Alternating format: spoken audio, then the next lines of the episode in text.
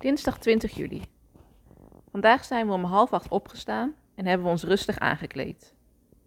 Ik heb goed geslapen ondanks de kou en was al wel eerder wakker, omdat de kippen al vroeg aanwezig zijn met hun gekraai. En om half acht begint de school, dus de kinderen die zijn er dan ook al volop en ehm, met de benodigde eh, geluiden daarbij.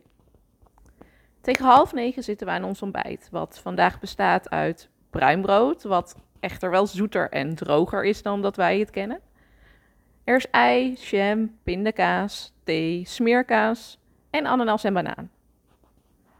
Om kwart over negen, wat slechts een kwartier na afgesproken tijd is, begint de introductie van Vincent, een van de projectmedewerkers. En hij vertelt zeer indrukwekkend, maar ook passievol over wat het project allemaal inhoudt, waar ik later meer over zou vertellen. En hoe zij daarmee omgaan. Na een pauze van 10 minuten, wat uiteindelijk 60 minuten is geworden, en wat spelen met de kinderen, gaan we verder tot half 1.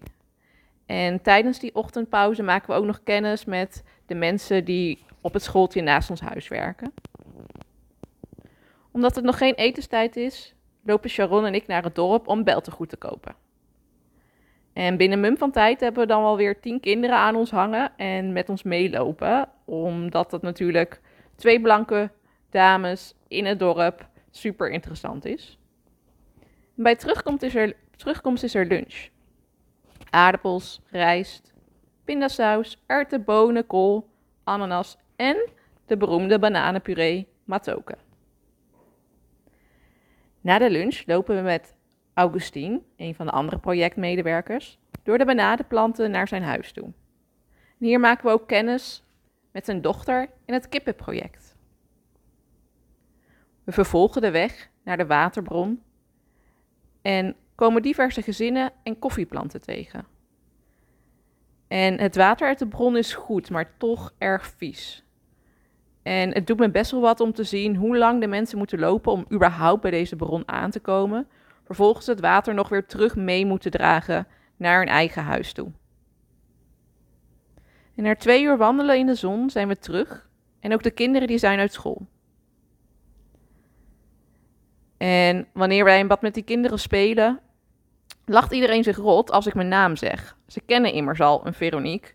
Veronique nummer 2.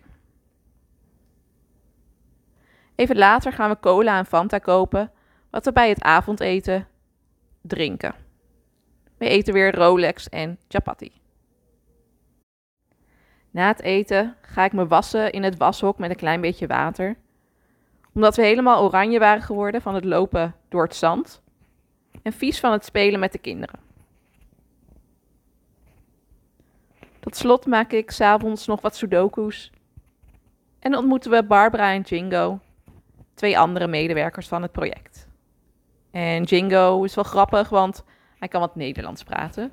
Dus dat zorgt voor altijd wat vermaak natuurlijk. En de woorden die wij vandaag geleerd hebben. Oliotja.